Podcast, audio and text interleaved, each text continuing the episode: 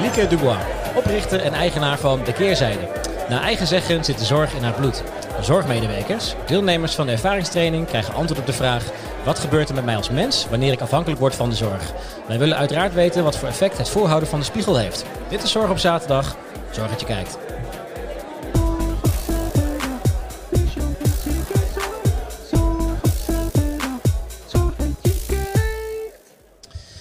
Lieke, goedemiddag. Goedemiddag. Op deze fantastisch mooie, zonnige Ja, zaterdagmiddag. prachtig. Ja, heerlijk. Echt goed, hè? Ja, ja. Helemaal vanuit het, eh, het, het, ja, het, het Ter Heide, wat helemaal eh, vlakbij Breda ligt. ja, ja, ja. Voor jou toch weer een beetje thuiskomen, hè, dit Groningen. Zeker, zeker. Ik heb eh, zeven jaar in de stad gewoond met heel veel plezier. Kijk. Leuke stad. Ik heb een opleiding hier gedaan in Haren. De SPH, dat heette toen nog de HBOJ. Een vorig leven lijkt het wel.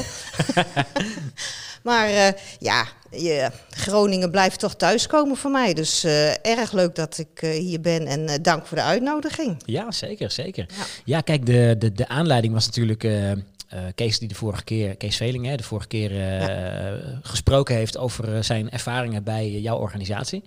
En nou, toen kwam je eigenlijk zelf al hè, van, hé, hey, wacht eens even, dat was leuk om dat terug te horen. En nou, ik heb er nogal meer over vertellen, dus daar gaan we zo meteen nog eventjes wat meer over uitweiden. Ja. Maar ehm, ja, wat, eh, wat een tijd is dit, hè? Met eh, lockdowns, avondklok. Is de avondklok voor jou goed te doen overigens? Of, eh, ja, ja, prima. Ja, het is bij mij wel een beetje als iets niet mag. Dan krijg je ineens de neiging om na negen uur de straat op te gaan. ja, Maar ja, goed, ik woon zelf midden in de polder, dus dat maakt niet zoveel uit Nee, bij ons. Dus er komt nog geen boa over ons weggetje gereden. Dus eh, nee, maar goed, ik, eh, prima. Ja, weet je, wat moet, dat moet. Ja, En we moeten met z'n allen er zo snel mogelijk vanaf. ja. En zeker voor alle mensen in zorg en, eh, en de medewerkers in zorg. Ja. Ja. Ja, wat, wat je ook zegt, hè, van als, het, als het niet mag, dan, dan willen mensen het graag doen. Ik weet nog wel dat vlak voor en voorafgaand aan de, de avondklok zat je in één keer op Marktplaats. Die oranje thuisbezorgd jassen, die werden, werden verkocht aan mensen en die scooters en dergelijke. Van Ja. iedereen wil zo graag toch de straat op kunnen. Ja, Dat je denkt van ja, maar ja, hoe vaak doe je dat werk eigenlijk na negen uur 's avonds nog? Hè? Dat je echt nog zo erg de straat op moet en nu is toch alles dicht. Precies. Dus, eh, Nou ja, weet je wat is? Jongeren, voor jongeren is het natuurlijk wel heftig. En dat vind ik sowieso deze tijd. Ik vind dat zij een fikse rekening eh, betalen. Ik heb zelf een studerende dochter. En ik zie het gewoon. Die, eh, die zit klem eh, als zoveel studenten en jongeren. Ze kunnen, ja, ze kunnen niet hun sociale contacten onderhouden. En niet zichzelf zijn en lekker eh, eh, groeien in sociale contacten. Ja. Dus wat dat betreft denk ik van, eh, ik mag niet klagen. nee. Ik, tuurlijk, mijn bedrijf, het is ook pittig om dat staande te houden. Maar ja, creatief denken. En, ehm, en we hebben het geluk dat we in Nederland wonen. Dat de overheid bereid is om te ondersteunen. ja. En ehm, ja, zo moeten we allemaal eh, alles bij elkaar eh, Ja. aangrijpen om eh, door te kunnen gaan straks. Ja, precies. Want eh, tegelijkertijd ook wat je zegt over studeren. Hè? Ik bedoel, eh, ik weet nog al toen ik aan het studeren was. Ja, het leukste deel van de studie is juist het sociale vlak. Hè? Dat je eh, weer nieuwe mensen leert kennen. lekker veel op stap gaan. lekker in, in, de, in de zitten en dergelijke. Precies. Ja, als dat allemaal niet kan. En het is een jaar hè, dat niet kan. Ja, maar precies. Maar waarom denk je waarom ik het zo leuk vind om in Groningen te komen? Dat is natuurlijk een deel de opleiding geweest, maar Ja. voor een groot deel gewoon, ja, Het sociale vlak, hè? ja, je studententijd. De studentenvereniging, eh, weekenden weg met elkaar op stap. Van alles beleven, avonturen beleven. Ja, dat is ja, de en- studententijd. En, ook dat, hè, van die, die stedentripjes of van die, van die mini-vakantietjes met je, met je kornuiten, zeg maar, in die tijd. Ja, dat, dat gaat nu ook allemaal niet gebeuren, hè? Want het is overal hetzelfde probleem natuurlijk. Dus eh, Dat is het. ja. Ja, dus eh, ja, daar maak ik me wel zorgen om. Maar ja, we moeten met z'n allen door. Maar daar wel oog voor hebben. Ja, zeker. Straks ook. Ik, ik moet overigens ook wel zeggen dat eh, door die avondklok, ik, eh, ik slaap wel iets beter van. Want eh, ik, ik, ik ga over het Ja. algemeen best wel laat slapen altijd. Ik ben echt een beetje een, eh, een avond- en nachtmens. Ja, Maar omdat nu na negen uur toch eigenlijk niks meer kan. En ja, op een gegeven moment ben je wel een keer, of ben ik wel een keer uitgenetflixt en ge- Amazon. Prime en noem het allemaal op. Dat je echt gewoon kijkmoe bent en, en andere dingen. Ja, weet je, heb ik geen zin meer in. nee. Dus, zoals vorige week zaterdag was het op een gegeven moment eh, 11 uur s'avonds. denk ik van nou, ik vind het mooi geweest. Ik ga Ja, lekker zie. slapen, weet je wel. Kijk, ieder nadeel heeft zijn voordeel. Ja, want- Toch? en dan vervolgens word ik, om, eh, ja, word, ik, word ik om 7 uur of 8 uur 's morgens wakker. En denk Ja. van, ik voel me gewoon uitgerust. Je. Ja, precies, precies. Ja, ja, Dus, eh, ja, dus ja. Nee, dat klopt, dat klopt. Ja. Ja, inderdaad. Maar goed, ehm, ja, de keerzijde. Hoe is dat zo, eh, dat zo ontstaan? Ja, ehm, nou dat is eigenlijk ontstaan Ja, als ik helemaal terug ga ehm, in mijn zorgverleden, zeg maar. Ja, eh, want, want jij komt van origine niet uit de zorgsector, hè? Of, of ben je daar wel echt... Ja, wel. Jawel, wel, wel jawel. Oh, ja, Ja, eh, ja, de zorg zit in mijn bloed. Ik zou ook niet weten Ja. wat ik anders zou moeten doen dan dat. Maar eh, nou ja, even eh, korte samenvatting. hier dus de, de SPH-opleiding gevolgd. ja. En ehm, ehm, van thuis uit heel veel zorgzaamheid meegekregen. Mijn moeder eh, eh, was iemand die eh, altijd met een bosje bloemen weer ergens naartoe ging. Want er was iemand ziek of er was iets aan de hand. En dan zei ze van, ik, ik ga even om het hoekje kijken, zei ze dan. Dus die fietste constant naar mensen toe. En dat toch oog hebben voor, voor mensen waar het ja, minder mee, mee gaat. Ja, dat is er van thuis uit wel ingepompt, zeg maar. Ja. Ehm, nou ja, ehm, de keuze voor opleiding eh, was voor mij ook eigenlijk ehm, ja, geen, geen stress, geen twijfel. Ik wist op mijn elfde al, ja, heel raar, dat Oh, ik wat- deze opleiding wilde gaan doen. Wat moet dat relaxed zijn geweest? Dat je gewoon al weet wat je wil gaan doen. Niet nog, niet nog op de middelbare school te denken van... Oh, wat, wat moet ik nou kiezen, weet je? En wat nou als ik de verkeerde keuze maak? Dat, eh, Ja, nee, exact. Daar heb ik geen last van gehad. Dat is wel raar, hè? Later heb ik wel gedacht van, nou is dat wel gezond? Want ik vind, eh, twijfel vind ik gezond. Of laat ik het zeggen, gezonde twijfel is goed. Maar eh, nee, ik wist eh, zeker. Ik ging eh, die arme kinderen in, eh, in tehuis ging, ging ik helpen op mijn elfde. ja. Eh, nou, dus uiteindelijk voor deze opleiding gekozen. En altijd geweten, ja, dit is mijn opleiding. Hij past bij mij. Het paste bij mij om hem in Groningen te doen. Waar toch veel nieuwe ideeën ook juist gestimuleerd werden. Was een fijne cultuur eh, op school. En eh, ehm, ja, alles klopte. En uiteindelijk na de opleiding even kort in de gehandicaptenzorg gewerkt. En eh, ehm, waarbij ik vrij snel voelde van ja, dit is echt leuk. Dit, ik, wat ik van de gehandicaptenzorg heel erg leuk vond en waar ik dus ook veel in gewerkt heb, is het feit dat je heel erg in het moment van nu leeft. Want bewoners zitten in het nu. Ehm, ze zijn heel puur. Er zijn geen spellen, gedragsspelletjes of wat dan ook. Nee, ze zijn heel puur zichzelf. En dat is soms niet leuk, maar vaak heel erg leuk. En, ehm, ehm, ja, en de humor. Toch, eh, ja, ik, dat vind ik zo geweldig. En niet over hun, maar met hun. Juist omdat je in het moment zelf zit. Ja, dat is gewoon het prachtige van het vak. ja, dus, eh, Nou, en ja. gelukkig heeft is het natuurlijk de, het, het leuke deel de overhand. Want ik kan me voorstellen dat mensen inderdaad, wat je zegt, hè, die heel puur zijn, die ook gewoon zeggen waar het op staat. Dus als iets hun niet bevalt, dan krijg je Ja. waarschijnlijk te horen dat het ze niet bevalt. En, eh, en gewoon heel recht toe recht aan waarschijnlijk. eh. Precies. Als je al niet goed bent in zelfreflectie, dan leer je dat dan wel in de gehandicaptenzorg. Want je krijgt het gewoon ongezouten, krijg je het gepresenteerd. Ja, Ja. ik hou ervan. Ja, ik hou nou, dat zou ervan. misschien wel een hele goede, goede training kunnen zijn voor mensen uit het bedrijfsleven. Van, eh, kun jij niet zelf reflecteren? Ga maar even een maandje in een, eh, in de gehandicaptenzorg meedraaien. Dan eh, Precies, weet je direct hoe het moet, zeg maar. Eh, eh, precies, precies. Goed plan. Ja, Ja. ja. Dus, Maar goed, eh, dus, eh, dus ja, een hele mooie, mooie gang de zorg eigenlijk in. Hè? En dat je eigenlijk van Ja. jongs af aan al wel weet wat je wou. En eh, ja, inderdaad, Het, het aandachtige van wat jouw moeder dan deed, dat, ja, dat krijg je mee, hè? Dat is het. Dat is Dat het. krijg je mee. Ja, ja, ja, ja, ja. Ja, dus nou ja, na de opleiding. Ik heb nog wel eh, gereisd. Ik heb veel in het buitenland ook eh, gezeten.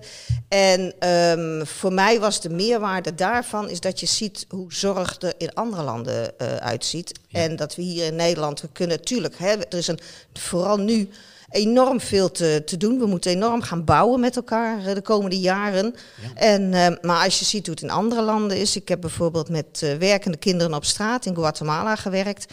En als je dat meemaakt, ja, weet je, dan denk ik, we hebben het in Nederland echt wel veel beter geregeld Ja. dan daar.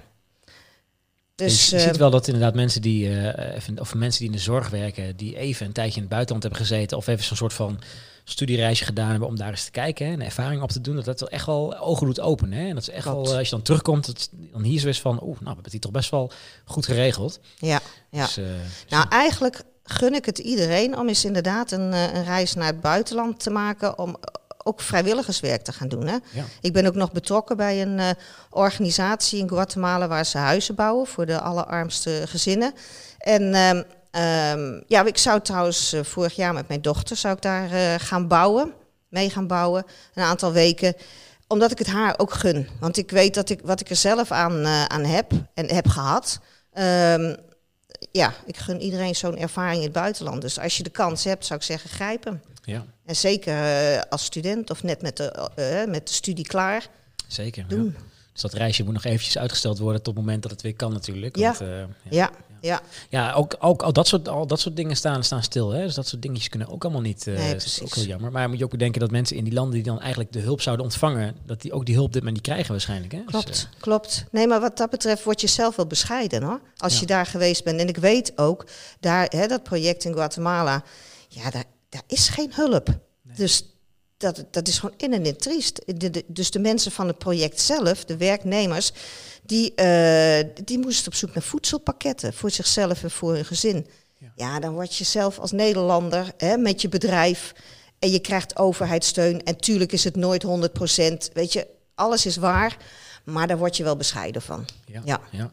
Het, het grappige is wel dat eh, we meerdere gasten gehad die ook in het buitenland ervaring hebben gehad. Hè. Eh, bijvoorbeeld ook eh Grieken, is een dame die heeft een, een tijdje in Maleisië gewoond en nou ook in de zorg gewerkt. En die gaf bijvoorbeeld weer het voorbeeld van. Eh, hier hebben we tekort aan verpleegkundigen, wordt er veel gezegd. Mhm. Eh, daar gewoon overschot. Dat bijvoorbeeld daar eh, moet iemand zijn bloeddruk opgenomen worden en dan zitten er drie verpleegkundigen bij. Want de een moet de hand vasthouden, de ander is bezig en de ander noteert het. Weet je, dat je denkt van, zo ook weer een compleet andere wereld dan dat het hier natuurlijk is. Klopt. Dus het is heel, heel interessant om, om al die verschillende beelden te zien vanuit andere delen van de wereld. Zodat je eigenlijk wel goed de vergelijking kan maken van hoe het hier is. Hè? En, en dat we eigenlijk ook niet te negatief moeten zijn over hoe het is natuurlijk. Dus, eh, Nee, precies. Ja, het, het mooie vind ik van als je veel gereisd hebt. hebt ehm, ik heb bijvoorbeeld ook in Italië een aantal jaren gewoond. En eh, ehm, als je die ervaringen hebt opgedaan, dan kan je jezelf ook beter relativeren, maar ook de hele cultuur in Nederland. Want in, eh, in Guatemala zou ik op een gegeven moment een activiteit organiseren voor de kinderen en voor de medewerkers daar. En ik heb dat zo vreselijk op zijn Nederlands georganiseerd. Achteraf valt het kwartje. ja. Ehm, ja, met dank aan de HBOJ hier, of de SPA. maar eh, eh, ik had dat heel mooi gestructureerd en ik had al helemaal bedacht hoe dat zou moeten en wat er zou gaan gebeuren. Ja, en het gebeurde daar dat mensen, de, mijn collega's, eh eh, één of twee, die kwamen niet. Ja, die hadden op dat moment gewoon wat anders te doen. Nou, en ik stond, ja, maar dat kan niet, want ik heb jullie nodig. Ja, en dat gebeurt gewoon. En eh, ja, dan zul je het dus toch gewoon anders moeten doen. Ja, dus, dus daar is het, eh, hier is het altijd, eh, ja, we hebben plan A en misschien plan B, maar plan A gaat meestal wel door.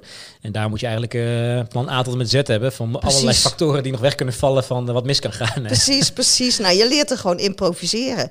En eigenlijk is dat gewoon heel erg belangrijk. Zeker Ja. ook hier in Nederland. Z- Zeker, volgens Ja. mij uh, de, de zorg die men verleent. Natuurlijk, je leert heel veel tijdens je opleidingen. Maar volgens mij is er uh, het werk wat mensen doen, is er heel veel improvisatie bij. Om op het moment te kunnen acteren op bepaalde situaties met Klopt. mensen. Want je Ja. bent inderdaad gewoon met mensen bezig. Hè? Dus, uh, Precies. Nou ja, ik denk dat dat ook de grote slag is die we moeten slaan met elkaar. We hebben het zo enorm gestructureerd, de hele zorg. Uh, zoveel protocollen, regeltjes. Uh, we leren het ook op de opleiding op dit moment. Hè, op het moment dat je de, de mega verslagen, dat je die af hebt en daar, krijg je, daar word je op ge, hè, beoordeeld. Ehm, dat, dat, dat, ja, dat systeem, dat zal toch anders moeten. Ja. En als we inderdaad leren um, uh, improviseren, leren luisteren naar de bewoners uh, of patiënten, cliënten. Ik gebruik altijd bewoners, omdat ik uit de gehandicaptenzorg kom. Um, maar dat, dat is gewoon een hele belangrijke slag om te slaan. Ja. Dus daadwerkelijk luisteren. En, uh, Eigenlijk is het ook gek, hè? Want als je bijvoorbeeld, uh, een ander voorbeeld, bijvoorbeeld naar de retail kijkt, gewoon winkels uh, waar mensen kopen om gewoon een spul te kopen. Uh, daar worden vaak mystery shoppers ingezet hè, om, om even te kijken van, uh, oké, okay, hoe word ik behandeld als klant? Ja. En dat soort dingen worden in de zorg, of werden in de zorg, geloof ik, niet gedaan, of wel? Wel, dat, ja, wel, oké. Okay. Ja, wel. Gelukkig maar, want je zou ja. denken van, dan kun je even zien hoe het eraan toe gaat. Hè? Ja. En, uh, nou ja, weet je, als je... Ik, ik hou daar niet zo van, eerlijk gezegd. Het is mij ook wel eens aangeboden van... Goh, zouden jullie dat niet kunnen doen?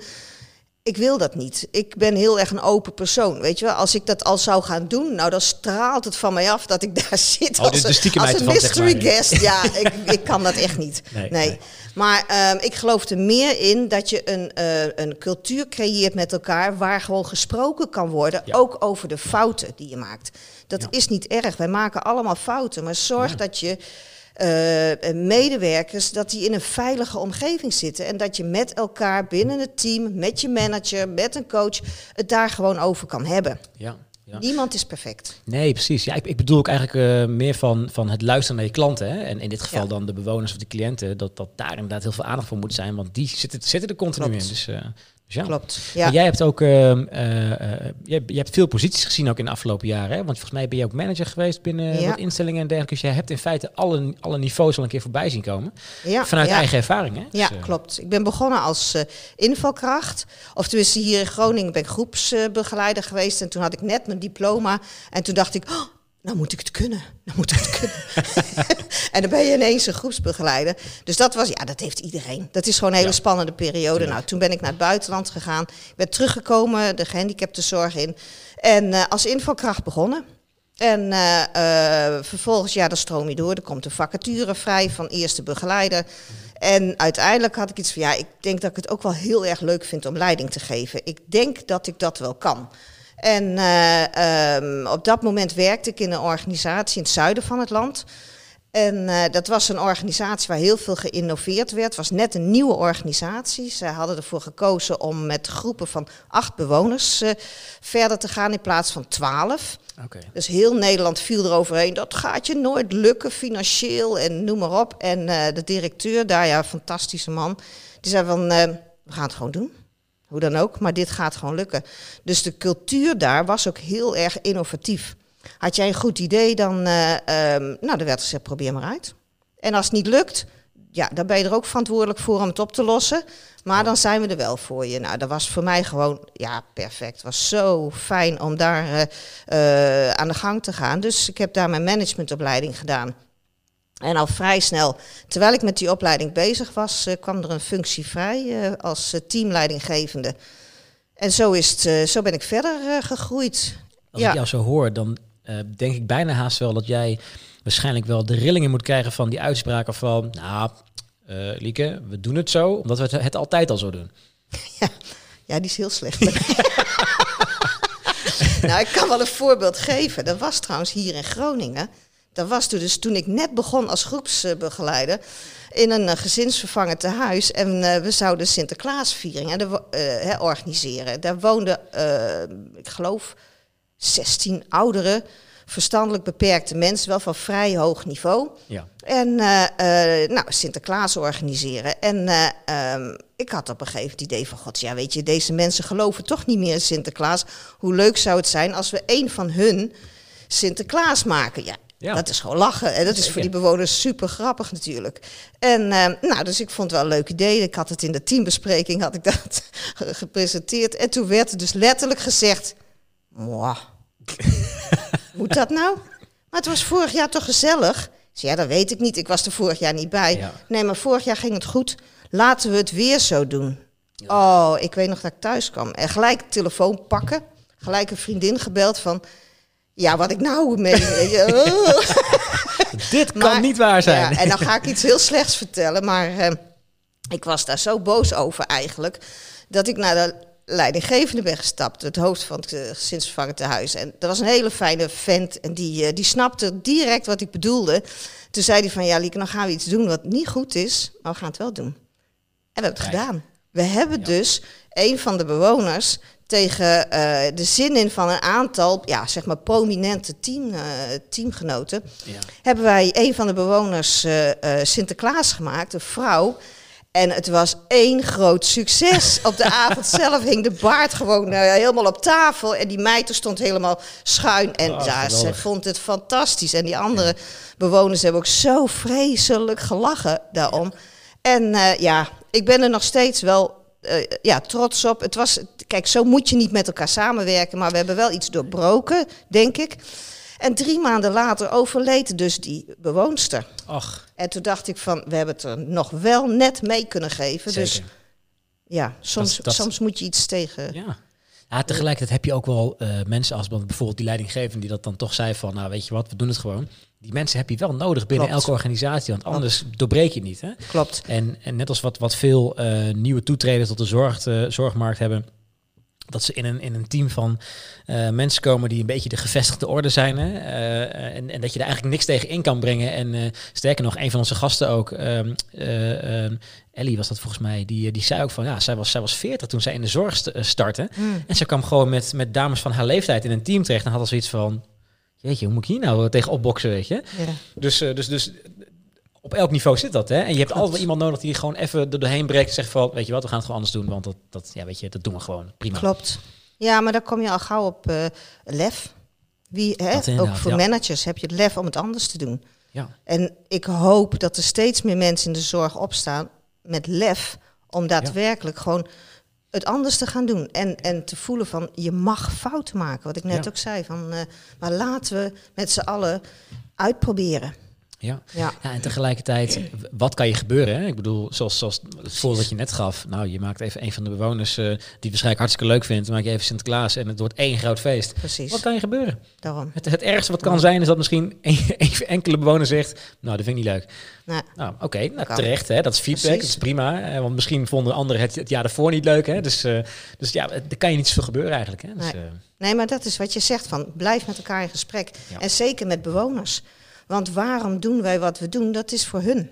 Precies. En zo moeilijk is het niet. Het is gewoon echt vragen stellen aan hun. En, en je verplaatsen in hun belevingswereld. En uh, dat vind ik in, uh, in de gehandicaptenzorg, maar ook gewoon sowieso in de zorg. Uh, de mooiste uitdaging vind ik om het grijze gebied waar iemand in, in, in leeft, om dat steeds kleiner te maken. Oftewel, je leert die persoon steeds beter kennen. Ja. En stap voor stap, er gaat tijd overheen. Je gaat avonturen beleven samen, zo zie ik dat.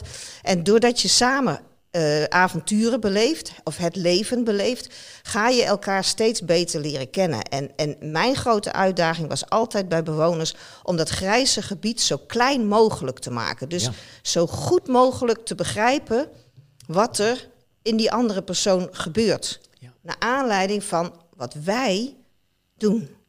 Ja. ja, en daar heb je hem. Dat is die zelfreflectie en, uh, en ook als team daarover hebben. Hè? Ja. Dus, uh... ja, want uh, ik, ik weet nog al van een paar jaar terug dat toen op een gegeven moment uh, verpleeghuizen veel in het nieuws kwamen met, met, met bewoners die dan bijvoorbeeld een, een, een, een, een beddagje hadden. Van ja, ja, nou, we hebben tekort aan personeel, dus, ja. dus nou mevrouw blijft vandaag maar lekker, lekker de hele dag in bed. Ik denk van, maar Stel je voor, ik zou er liggen en ik zou te horen krijgen, ik krijg een beddagje, maar ik wil het helemaal niet. Word gek, weet je wel. Ja. Dus, dat, dus dat vond ik al heel bijzonder om te horen. Maar dat, mm. weet je, dan ga je al vaak denken van, ja, maar, maar de mensen die daarmee bezig zijn, je gaat toch denken van, hoe zou het zijn als ik daar lig? Klopt, klopt. Maar weet je, onderschat het personeelstekort in de zorg niet. Hè? Dat het is ja. enorm.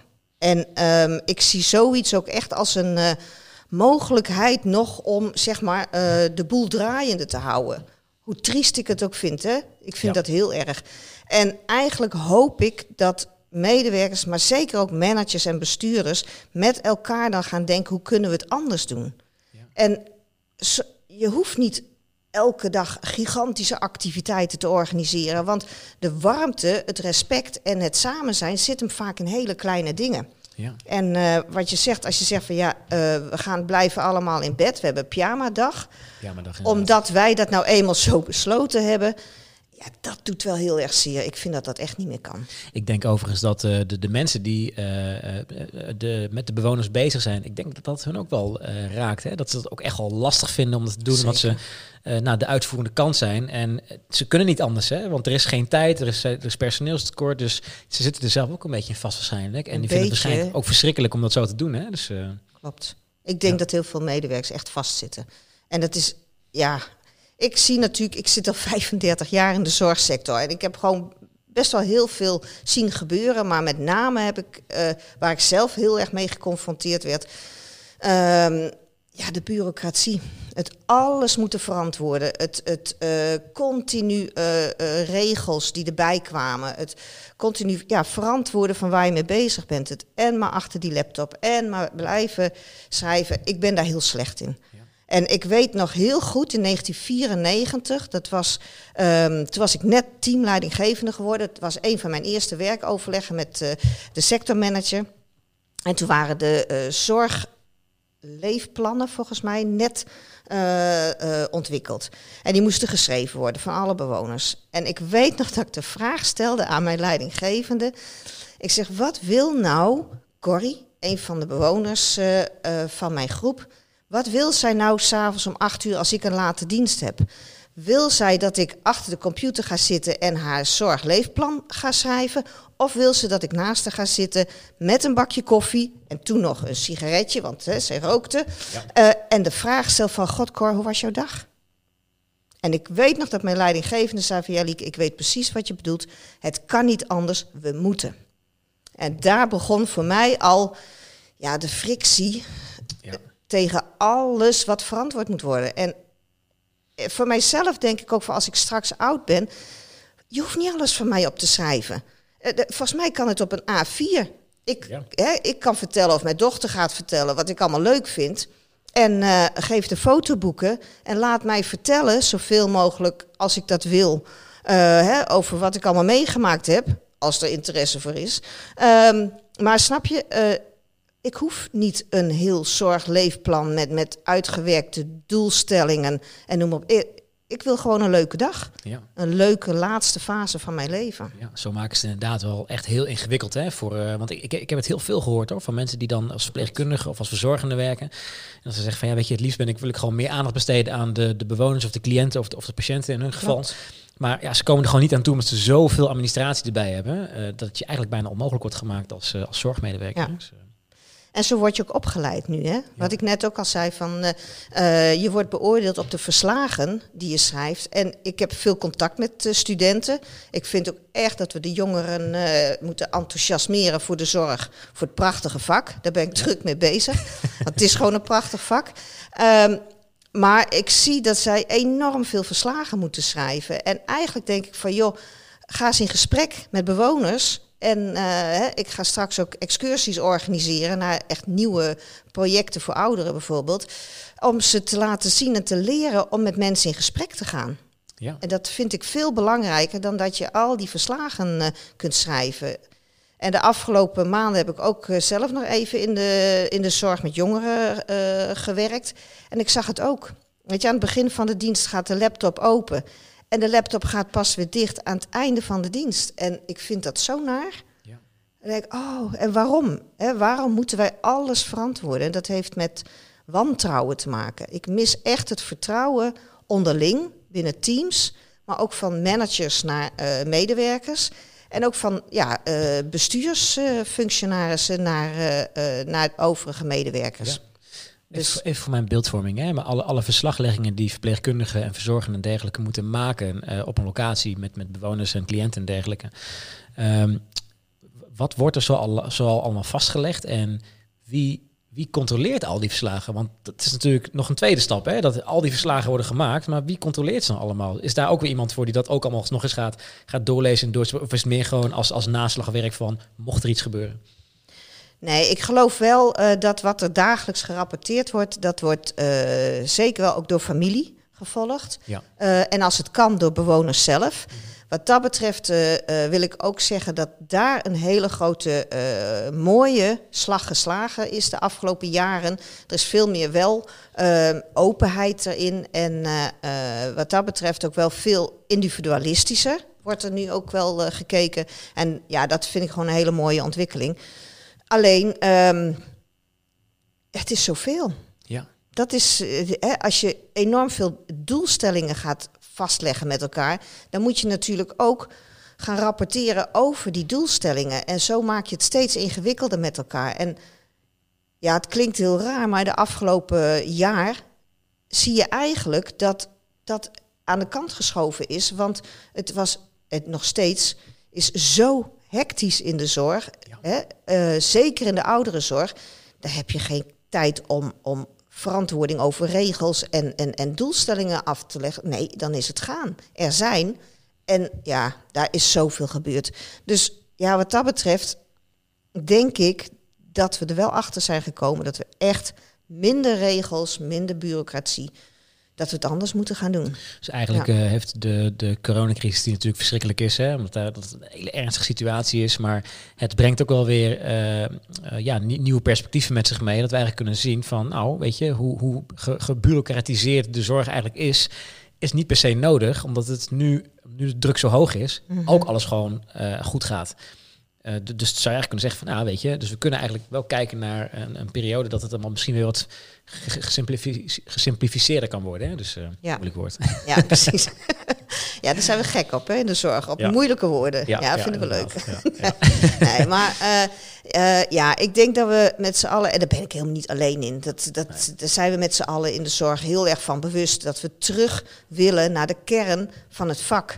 Ja. Eh, eh, de medewerkers weer in de kracht zetten, eh, terug naar de, de, de kern er kunnen zijn voor de andere persoon. Want dat is waarom iedereen voor de zorg gekozen heeft. Als jij, of nou jij, maar als, ik kan alleen voor mezelf spreken. Ik koos voor de zorg omdat ik echt voor een andere persoon het verschil wil maken. Ik wil daar zijn. Ik word er blij van als ik iemand kan helpen. Ja, Ja, prachtig vak. ja, precies. Dus ja. Ja.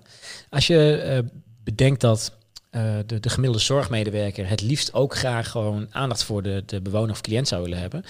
ehm, hoe denk je dat, dat eh, de, de familieleden van, van. Want zij kunnen natuurlijk de, de zorgen, of, eh, sorry, volgen wat er allemaal vastgelegd wordt. Hè, en, en een beetje het, het proces kunnen volgen van, eh, van hoe iemand verzorgd wordt en dergelijke. Maar als ze vanuit de familie gekozen zou mogen worden van oké, maar wat zou je willen? Wil je dat er alles wordt vastgelegd dat je kan volgen? Of wil je dat er gewoon persoonlijk aandacht en menselijk aandacht is voor jouw familielid die hier eh, woont of ligt? Wat, wat zou dan de voorkeur zijn? Hè? Ja. ja, ik denk dat zij bepalen. Kijk, Ja. de, de, eh, de klant eh, koning. is koning wat dat betreft. Ja. Maar wel daarbij aangetekend, het moet realistisch zijn. Dus allereerst denk ik van, het zou mooi zijn als de bewoner zelf antwoord kan geven op de vragen van wat hij of zij graag wil. Ja. Ehm, en dat bijstellen, want het is helemaal niet gezegd dat aan het begin, eh, hè, wat iemand zegt, dat dat over drie maanden nog zo is. Dus constant in gesprek blijven met elkaar van gebeurt hier nog waar u blij van wordt of niet? Wat Ja. kunnen wij anders doen? Ehm, en met familie. Hè, familie, wat heeft u van ons nodig? Wat, eh, wat verwachten jullie? En het is aan eh, de medewerkers in samenspraak met, met de manager ook. Ehm, is dat een reële vraag? Kunnen wij op een goede manier aan deze vragen voldoen? En dat is ja, per persoon eh, verschillend. Dus eigenlijk weer, eh, kunnen we weer veel leren van de gehandicaptenzorg. Want eh, daar zegt men direct als het niet leuk is, toch? Of als het niet bevalt. Dus dan, ja, maar ook daar, ook daar gebeurt. Ja, daar kunnen we echt nog wel een mooie slag slaan. ja. En we gaan die slag slaan. Ik, weet je, ik zie zoveel fantastische nieuwe initiatieven ontstaan. Echt als paddenstoelen uit de grond. Ja, ik word daar heel blij van. Ja. Dat er echt eh, mensen eh, gevraagd wordt, meegenomen wordt, leuke dingen doen. De kwaliteit van leven staat echt eh, hè, in de picture. Ja, en daar gebeurt echt heel veel moois. En dat zijn ja. wel de onderwerpen waarvan ook iedereen hoopt dat die heel hoog op de prio-lijst staan. Want dat maakt het, het zorgvak weer, weer, beter. Hè? Dus, Klopt. wat is voor jou echt de.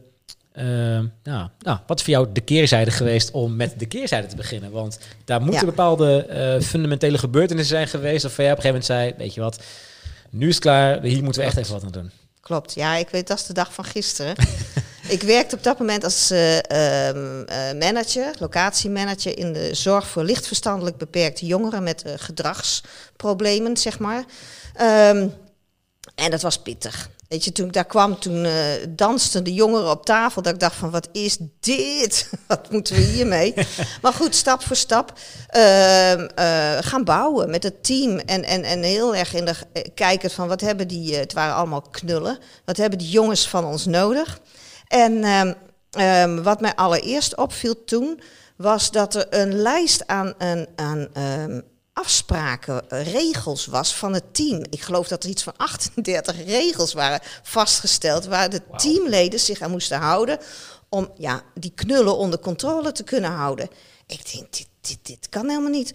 Dus nou, stap voor stap eh, terug naar, nou, ik geloof drie, vier regels. Maar Ging je, ze- vooral... ging je, sorry dat ik onderbreken, maar gingen ze, gingen ze in het begin ook over horen van, nou, het zijn er 38, iedere maandagochtend, noem ze maar op, weet je. Ja, Dat precies. Ja, maar dat sluipt erin in zo'n team, weet je. Dus, en ik snap dat wel, van je hebt het gewoon... Dat is echt wel pittig hoor, met die eh, jongeren aan de slag Ja, te dat gaan. En dat moet je echt wel eh, eh, een enorme uitdaging vinden om juist er voor hun te zijn. Want kijk, gedragsmoeilijkheden komen ergens vandaan. Die hebben altijd een oorzaak. En de Ja. kunst is om die oorzaak te pakken te krijgen met elkaar en daar wat, hè, daarmee aan de slag te gaan. In plaats van de boel onder controle te krijgen.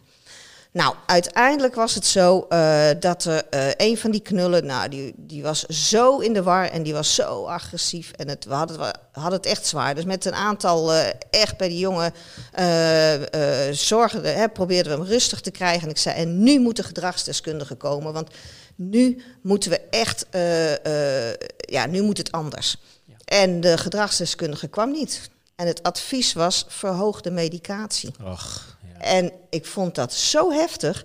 Ja. En toen viel bij mij het kwartje, ik wil daar niet meer verantwoordelijk voor zijn. Ik kan dat niet meer dragen. En eh, ehm, het moet anders, maar ik kan dat niet alleen. Ik wil dat echt met een heleboel mensen samen doen. En, ehm, ehm, en misschien maakte ik het ook wel zwaarder dan dat het was op dat moment. Hoor. Maar voor mij was dat de druppel. ja. En toen dacht ik van, ik stop ermee. Ik, eh, ehm, wat ik eigenlijk wilde, dat kwam wel heel diep bij mij naar boven, is ehm, ik wilde aan de slag met een team van eh super leuke, goede, professionele zorgmensen. Met een enorme drive voor de, voor de zorg, inspiratie ook en een leuk gevoel voor humor. En met dat team wilde ik ehm, iets gaan doen wat daadwerkelijk het verschil maakt in de zorg. Want Ja. ik kende dat gevoel van twintig jaar geleden, die innova dat innovatieve, eh, of die innovatieve organisatie hè, waar ik toen eh, werkte. En eh, ehm, ja, daar was het zo. Van had jij een probleem, kwam ik jou helpen. Had ik een probleem, kwam je mij helpen. We hebben daar verschrikkelijk gelachen. En enorme discussies gevoerd over die bewoners. En maar gaan voor die bewoners. Weet je, die drive was zo sterk. En dat heb ik twintig jaar gezocht. Door bij andere organisaties ook aan het werk te gaan en te zoeken. En ik dacht, ja, dat is wat ik wil. Ja. En dat is uiteindelijk, en zo viel het kwartje, eh, dat is de keerzijde geworden. Ik Ja. zat voor de keu- aan de keukentafel te denken van wat wil ik nou echt? En toen dacht ik van dat is wat ik wil. En toen kwam er een herinnering naar boven eh, hier uit Groningen. Op de opleiding werden wij met een rolstoel de stad ingestuurd. Ik zit in de rolstoel eh, in de Herenstraat. En eh, eh, ik zie een man aankomen lopen met alle goede bedoelingen. Hè, want iedereen doet alles, dat vind ik nog steeds, hoop ik, uit goede, goede bedoelingen. En hij kwam daar aangelopen en hij vroeg aan degene achter mij, achter de rolstoel... Oh. Ach gut, wat is er met haar aan de hand? En ik zat in shock. Ik denk, krijg nou wat. Dat gebeurt dus echt. Als jij in de rolstoel zit, dan is het met alle goede bedoelingen, maar degene achter jou wordt bevraagd over jou. En op de opleiding zeiden we, nee, maar wij praten niet over de hoofden heen van bewoners. Nee, dat doen wij niet. Nee hoor, nee, nee, omdat we het vanuit ons hoofd zaten te beredeneren. Maar op het moment dat je het voelt, dan denk je, we doen het allemaal. Niemand is heilig, we doen het allemaal. Nou, Waarschijnlijk- dat besef. Waarschijnlijk als jij de persoon was geweest die de rolstoel duwde, had je waarschijnlijk gehad, oh ja, nee, dit is dit en dit en dit, niks aan de hand. En eh, gewoon van niet eens bedenken van hoe het is voor die persoon die in de stoel zit. Eh, als er inderdaad over je hoofd ge- gesproken wordt, over jou, terwijl jij er ook gewoon bij bent. Hè? Dus, eh, Precies. Nou, maar dat is het. We zijn ons vaak niet bewust van het effect van ons gedrag op de persoon die kwetsbaar en afhankelijk is. Nou, en daar heb je natuurlijk de kern van de keerzijde te pakken. En zo is het ontstaan. Weet je, het kwam ineens, die herinnering kwam boven. En op dat moment had ik het concept en de naam te pakken. En ik Bingo. weet nog dat ik helemaal blij werd en helemaal warm. Ja, dit is wat ik wil gaan doen. En dat is eh, wat ik nou eh 15 jaar doe. En eh, ik zou niet weten wat ik anders zou willen doen dan dat. ja. Ja, ja. Ja, dat is echt een hele mooie samen, samenloop van omstandigheden die naar een bepaald punt toe komen. Hè? Dat Klopt. dat een, een, ja, een keerzijde is voor jezelf en eh, ook direct je organisatienaam en alles erbij, zeg maar. Dat Ja. is echt eh, fantastisch. ja. En op een gegeven moment dan eh, ga je beginnen en dan heb je je eerste, eerste trainingsgroep of je eerste clubje mensen die je gaat trainen. Maar hoe wordt zoiets ontvangen? Want ik, ik weet nog wel, eh, ik heb heel lang geleden in de retail gewerkt en dan kreeg ik wel een sales training en dergelijke. En dan dacht ik altijd van, ja, weet je, leuk verhaal dit, maar ik weet wel hoe het moet. Kom mij niet vertellen hoe het moet. Nou, dit zal in de zorg waarschijnlijk ook zo zijn. Dat mensen zeggen van, ja, je gaat mij toch niet vertellen hoe, ik- hoe, hoe ik mensen, hoe ik zorg moet verlenen. Nee, precies. Nou, dat is het. Zo Ja. van, oh, hebben ze daarboven weer wat bedacht? Kijk, Nou, en als mensen weten dat ze, als medewerkers weten dat ze bij ons in de training komen, dan begint de training eigenlijk al. Hè? Ja. Want dan hebben ze het er thuis over. Nou, wat we nou toch gaan doen? Ja. Dan worden we zelf eh, hè, afhankelijk eh, gemaakt. En, ehm, en dan, beginnen de, dan begint de weerstand al vaak hè, bij mensen. Er zijn ook heel veel mensen die zeggen, oh leuk, ik ben benieuwd. Maar ook heel veel weerstand. Inderdaad, van vertel mij niet hoe ik met mijn bewoners zou moeten gaan. Ja, en, en het is wat spannend, hè? Want eh, Ja. je krijgt even de- de- een, een spiegel voorgehouden. Ik, dat zeg ik zelf ook altijd. Eh, ook trouwens in andere trainingen die ik in de afgelopen jaren gedaan heb.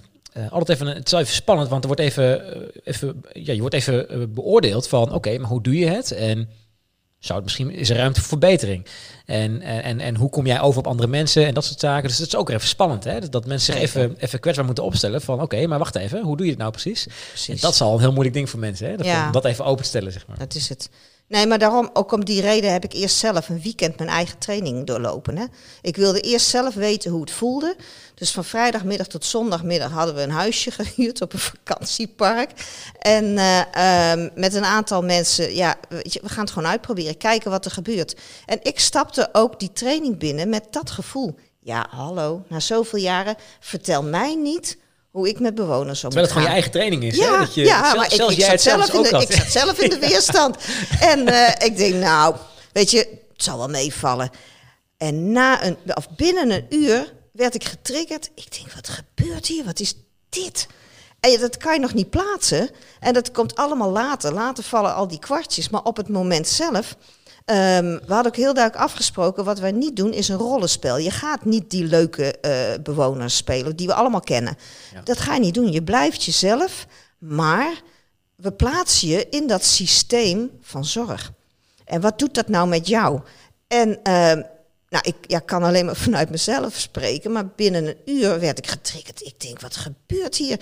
Het feit dat er constant op mij gelet werd. Dan ging ik even naar het toilet. Lieke, wat ga je doen? Oh. Ehm, nou, ja, je bent het helemaal niet gewend. En, eh, en iedere keer er kwam er iets bij. Ik weet ook dat we op een gegeven moment zaten we s'avonds nog wat te drinken. En er werd mij gevraagd of ik dan de, de ontbijttafel vast wilde dekken voor de volgende dag. Nou, ik ben niet te flauw, ik wil best wel een ontbijttafel dus, dekken. Dus eh, eh, ik had gedacht zelf, nou dan ga ik eerst dat nog even uitkijken. En dan ga ik eh, nog even eh, eh, dat doen en dan dat. En dan ga ik die ontbijttafel wel dekken. En zo had ik dat in gedachten. Toen zei de begeleidster, de verzorgende, zei van... nee, Lieke, je gaat nu de ontbijttafel dekken. En ik weet dat... Ik, ik was zo verbouwereerd. Echt, wat gebeurt hier? Dat me, nou, hè, degene, een andere deelnemer, aan die zat tegenover mij. Nou, die schoot in de slappe lach. Puur om mijn gezicht. Ik krijg, ik krijg Dat- nou al eh, de, de buikkrampen van, van je hele, je hele eigen regie is gewoon weggenomen eigenlijk. Hè? Dat is het, dat is het. Ja, en dat besef je pas op het moment dat je erin stapt. En, ehm, en eigenlijk, we hebben toen van vrijdag tot zondag die pilot gedraaid. Er is zoveel gebeurd. En ik ben zo geconfronteerd met mijn eigen gedrag. Ik werd weer puber. Weet je, ik ging, hè, net als waar we het net over hadden, die, die avondklok van 9 uur. Als iets niet mag, ja, dan, dan, dan ga je daarop reageren. Verzet inderdaad. Hè? Ja, ja dus eh, ja, ik ging heel erg eh, puberaal doen. Echt heel kinderachtig, dacht ik achteraf. Maar uiteindelijk...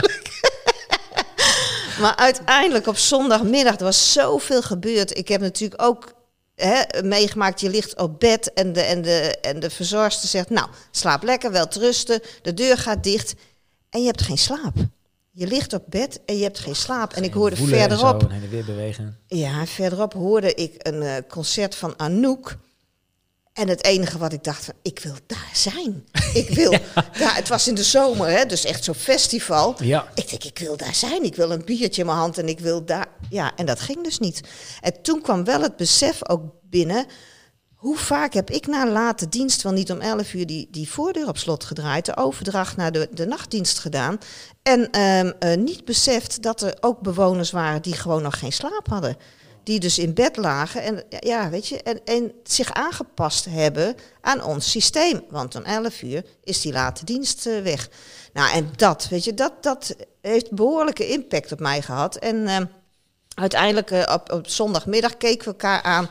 En allemaal mensen uit de zorg waren die van, ja, Weet je, dit gunnen wij iedereen met de verantwoordelijkheid in de zorg. Of jij nou medewerker bent, of je bent manager, bestuurder, um, vrijwilliger, mantelzorger, hoe dan ook. Het heeft mij een enorme verdieping in mijn vak gegeven. En dat raak ik ook nooit meer kwijt. Het heeft mij veel uh, gebracht, ook in de zorg uh, voor mijn moeder. Toen, uh, mijn moeder heeft Alzheimer gehad. Oh, ja. En samen met zussen en schoonzussen en broers zijn wij, en zwagers, uh, zijn wij verantwoordelijk geweest voor haar zorg.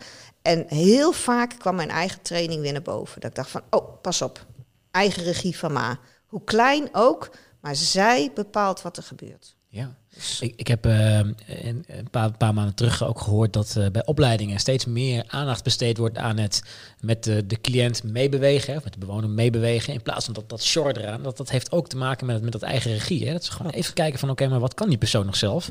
In plaats van direct aan gaan, gaan trekken en zo. Net als wat, wat, wat Kees ook als voorbeeld gaf, hè? dat hij dat die zei van ja, er werd in één keer een tandenborstel in, in, mijn mond gestouwd, zeg maar, terwijl mijn arm het gewoon doen. Dus, dus wat, wat, is dit in Dat is het, dat is het. Ja, maar dat is het. Weet je, je als je, je voelt zelf wat het met jou doet, uh, die afhankelijkheid. Maar stap voor stap wordt de regie van jou overgenomen zonder dat we ons daarvan bewust zijn. Kijk, ik ga een ander niet vertellen hoe die zorg moet verlenen. Dat weten mensen heel goed zelf. Maar ik kan ze wel een stuk bewustzijn meegeven. Uh, omdat ze geconfronteerd zijn zelf met het effect van hun eigen gedrag. Ja. Dat is het. Dat is wat ik ze mee wil geven. En uh, dat is waar ik in enorm veel aan gehad heb. En in het geval van, uh, van Kees, ik was toen de coach in die training. Nou, als de dag van gisteren, terwijl het vijf jaar geleden is. Hè, ja. Maar als de dag van gisteren weet ik ook nog wat er gebeurde toen hij inderdaad, uh, hij vluchtte. En ja, ik zat daar ook als coach. Ik denk, oké, okay, nou ja, dat kan. Iedereen in onze training kan doen wat hij denkt dat ja, hij moet doen. Je moet zichzelf blijven, hè? Ja, dus je, daarom. je doet wat je, wat je wil, dus... Uh... Daarom. En uh, ik dacht van, jij komt wel terug. En het kwartje is gevallen. Weet je, ik hoef als coach niks meer te zeggen. Wat ik wel moet doen als coach is er zijn. Zo van, Kees, we zullen er naar kijken. Wat gebeurde er nou bij jou? En uh, hè, wat heb jij van mij nu nodig als coach? Ja, dat zijn fantastische gesprekken. Dan heb je het echt ergens over. En dat is, ja, kom ik weer op de puurheid van gedrag uit. Dat is waar ik voor ga. Dat is uh, waar ik in geloof. Want ja. dat is ook wat bewoners in zorg van ons vragen. Zij vragen van ons als medewerkers, maar ook als managers. Zij vragen van ons om onszelf te zijn. Om voldoende zelfvertrouwen te hebben en er te zijn voor hun op het moment dat ze ons nodig hebben. Ja. En dat is uh, ja, wat er met Kees gebeurde. En dat is het vechten. Je ziet bij in training drie vormen eigenlijk. Dat zeggen we ook altijd. Of je gaat vechten, of je gaat vluchten, of verstarren. De drie V's. En uh, ja, iedere training, je ziet het gebeuren. Ja. Maar mensen horen dat aan. Hè, voordat ze in de training uh, is er een coach die ze uitlegt wat we gaan doen en waarom. En dat het veilig is. Ik wil echt dat iedere training is bij ons veilig. Wij doen geen gekke dingen. We zijn er echt ten behoeve van de deelnemers. En um, we leggen dat uit, maar dan stappen ze dus in die training. Ja, en dan is de shock zo groot. Wat ik zelf dus ook had, hè, van... Alsnog, hè? Alsnog. Ja, ja, dan denk je niet meer aan die drie V's, want je gaat gewoon puur vanuit jezelf reageren. Ja. Nou, en dan zie je inderdaad uh, situaties ontstaan die soms heel pittig zijn. De, hè, de weerstand, het vechten als een puber tegen de regeltjes. of uh, verstarren. Mensen klappen helemaal dicht. En uh, ja, we zien het gewoon gebeuren. En, en, en of mensen krijgen enorm de slappe lach om hun eigen gedrag en om het gedrag van hun collega's. Tranen met tuiten. En ik weet ook dat als ik die lach hoor, hè, die, die, dat, is zo'n salvo van de slappe lach binnen zo'n club, dan denk ik, ja, missie geslaagd, hoeven niks ja. meer uit te leggen. Ja. Want je kan alleen maar zo de slappe lach hebben als je je één, veilig voelt. Ja. Twee, dingen ziet, beseft ja, die je nooit meer vergeet. Waarschijnlijk is het ook alleen al dat je van mensen hun gezicht kan aflezen. Net als bij jou, dat jij in je eigen, door, je, door jezelf ontwikkelde training binnenstapt en, en je start. Je hebt direct zoiets van, nou? je gewoon je, je gezicht ziet vertrekken. Waarschijnlijk zien ze dat bij iedereen. Hè? Dat, dat, dat waarschijnlijk waar iedereen op moet lachen, zeg maar. Ja, dat is het. Maar, uh, maar als jij zelf al zo, zo, um, ja, zo, zo verbrouwereerd was om wat je overkwam, maar, maar hoe reageert dan? Dan reageert iedereen het daar zo op waarschijnlijk. Ja, klopt. Je kan je ook niet voorbereiden. Dat hoeft ook niet. Weet je, ik zeg ook van mensen in de zorg hebben het zo mega druk. Uh, je komt gewoon in die training. Je hoeft je niet voor te bereiden. Je hoeft geen dossier door te nemen. Nul, nul. Je bent gewoon jezelf, zoveel mogelijk. En tuurlijk, hè, wij zetten natuurlijk wel een setting neer. Uh, met, hè, met de zusters of met hè, de verzorgenden. En, um, en dan gaan wij gewoon een, um, uh, een, een dag gaan wij met elkaar beleven. En uh, ze worden verzorgd. En dan stap voor stap maken wij uh, st er steeds meer een systeem van. Ja, en het nare is dat het dus heel herkenbaar is van de werkvloer. Maar daar zijn we ons niet van bewust. Nee. En dat is, ja, dat is natuurlijk wat we willen. En uh, de, dat mensen zich daarvan bewust worden. En daar kan je het over praten. Maar we moeten stoppen met praten in de zorg. We moeten het ja. gewoon weer gaan voelen. Ja, want sorry het moeilijke uh, juist aan gestandaardiseerd werk, namelijk hè, verpleegkundigen zijn of, of verzorgenden zijn, dat je dag in dag uit hetzelfde werk doet, misschien wel bij andere mensen, maar iedere keer hetzelfde werk doet. Op een gegeven moment uh, uh, raak je een beetje, ja, raak je een beetje te veel gewend aan de, de, de standaarden, aan het werk wat je doet, dat je niet helemaal meer doorhebt hoe je overkomt op mensen. En uh, dan is het inderdaad heel goed om een keer eens te ervaren van wat je eigenlijk doet. Want dan heb je waarschijnlijk zoiets van, oh jee, wacht even, iedere, iedere cliënt of iedere bewoner is weer een nieuw persoon. En die, die behoort wel gewoon de goede behandeling te krijgen. En niet gewoon van, nou, kom binnen, je doet even je ding. En nou, de groeten en deur op slot draaien. En, uh. klopt. Ja, ja, klopt. Nee, maar dat is het. Het risico is er dat je op de automatische piloot... En zeker, weet je, nu, het is niet makkelijk als er echt te weinig personeel is. Nee. We hebben het heel zwaar. Maar het mag nooit een reden zijn om uh, niet stil te staan... bij wat de bewoners van ons vragen. Ja. Dat vind ik gewoon heel belangrijk. En... Um, ja, we doen het allemaal. Ja. je, ik, ben, ik ben geen heilige, ik ben niet heiliger dan de paus. Nee, nee. Sorry. Maar uh, we doen het allemaal. En, en het belangrijk dat we ons beseffen dat we doen. En dat je er in een team en met je manager, dat je erover kan praten. Daar gaat het om. Nog even voor mijn beeldvorming tijdens die training. Iemand, iemand komt dan en die komt dan eigenlijk 24 uur of gewoon een dag tot in de avond, zeg maar. Uh, is, is die onderdeel van die training? Of, uh... Uh, nee, het is verschillend. Okay. Het is wat, wat mensen willen. We hebben verschillende mogelijkheden. Dagtrainingen. Dat wil zeggen dat er is altijd een coach bij aanwezig hè, voor de ja. veiligheid van de deelnemers. een coach die ook zelf uit de zorg komt. De coach heeft zelf 24 uur training meegemaakt. Want dat stel ik als, als eis als mensen binnen mijn team aan de slag uh, willen, dan moeten ze eerst zelf 24 uur uh, uh, meemaken. Um, dus het kan een dag. maar er zit dus een stuk coaching voor, vooraf en een stuk coaching achteraf. Want ik wil altijd weten hoe mensen de deur uitgaan. En de enige vraag die we dan stellen van... Hoe is het met je? Wil je nog wat kwijt? Want ik wil weten wat er bij mensen is gebeurd. Want het is natuurlijk het is een pittige training. Want ja. je zit op emotie. Er komen ook uh, eigenlijk altijd heel veel emoties los vanwege de herkenbaarheid en, uh, uh, en ja, het besef. Uh, dus hey, je kan vreselijk lachen, maar er zeker ook tranen van, van verdriet en van, van ja, de confrontatie. Ehm, dus tijdens zo'n dag is een deel dan de, zeg maar de ervaringssessie. dan trekt de coach zich ook terug. Maar die is er altijd. Hè. Voor de veiligheid zeggen we ook van als het je te veel wordt of als er iets is, want je weet nooit wat er hè, persoonlijk bij mensen speelt, dan kunnen ze een time-out aanvragen. Hup, bakje koffie drinken met de coach. Wat gebeurt er? Wat kan ik voor je doen? Ja. ja, en dat werkt gewoon heel goed. En dan durven mensen zich ook te openen, dan zijn ze er. Wat ook kan, is um, een traject. Die doen we nu ook heel veel. Daar gaat de coach echt vier dagdelen, zeg maar, aan de slag met een team. En dan gaat het over hoe wordt er bij jullie gecommuniceerd? Hoe is het met iedereen? Waar zitten je kwaliteiten? Wat is de kwaliteit van het team op dit moment? Hoe is de samenwerking met de manager? Ja, daar gebeurt al zoveel in dat eerste dagdeel, zeg maar. En alles interactief. Hè. De, de coach bij ons die gaat niet daar staan en daar de deelnemers. Nee, als mens zijn wij gelijkwaardig. Maar coach ben je en je hebt wat te geven, zeg maar, uh, aan de deelnemers. Hè. Je hebt wel een andere positie. Maar als mens ben je gelijkwaardig. Ehm, Dat soort sessies die zullen wel eh, eh, veel stof ten opwaaien. Want dan ga je Klopt. bijna een beetje zo'n soort van ijsbergsessie houden. Hè? Van oké, wat, wat steekt boven het water uit? Maar nu gaan we even aandacht besteden aan die hele grote ijsberg onder, onder water. En wat zit er allemaal? En waar komen al die, die problemen uit voort? En echt eh, het onderste uit kan halen ja, eigenlijk. Dus, ja, maar dat vind ik ook. Daar gaan we dwars doorheen. Maar ik denk ook dat de enige manier om te veranderen op die manier eh, is. Hè, die, op die manier kan. Want eh, je moet er dwars doorheen met elkaar. Maar zorg dat, dat het veilig is, dat je vertrouwen hebt en dat je het doel voor ogen houdt. Dat, dat, er echt, eh, dat je er alleen maar beter van kan worden. Ja.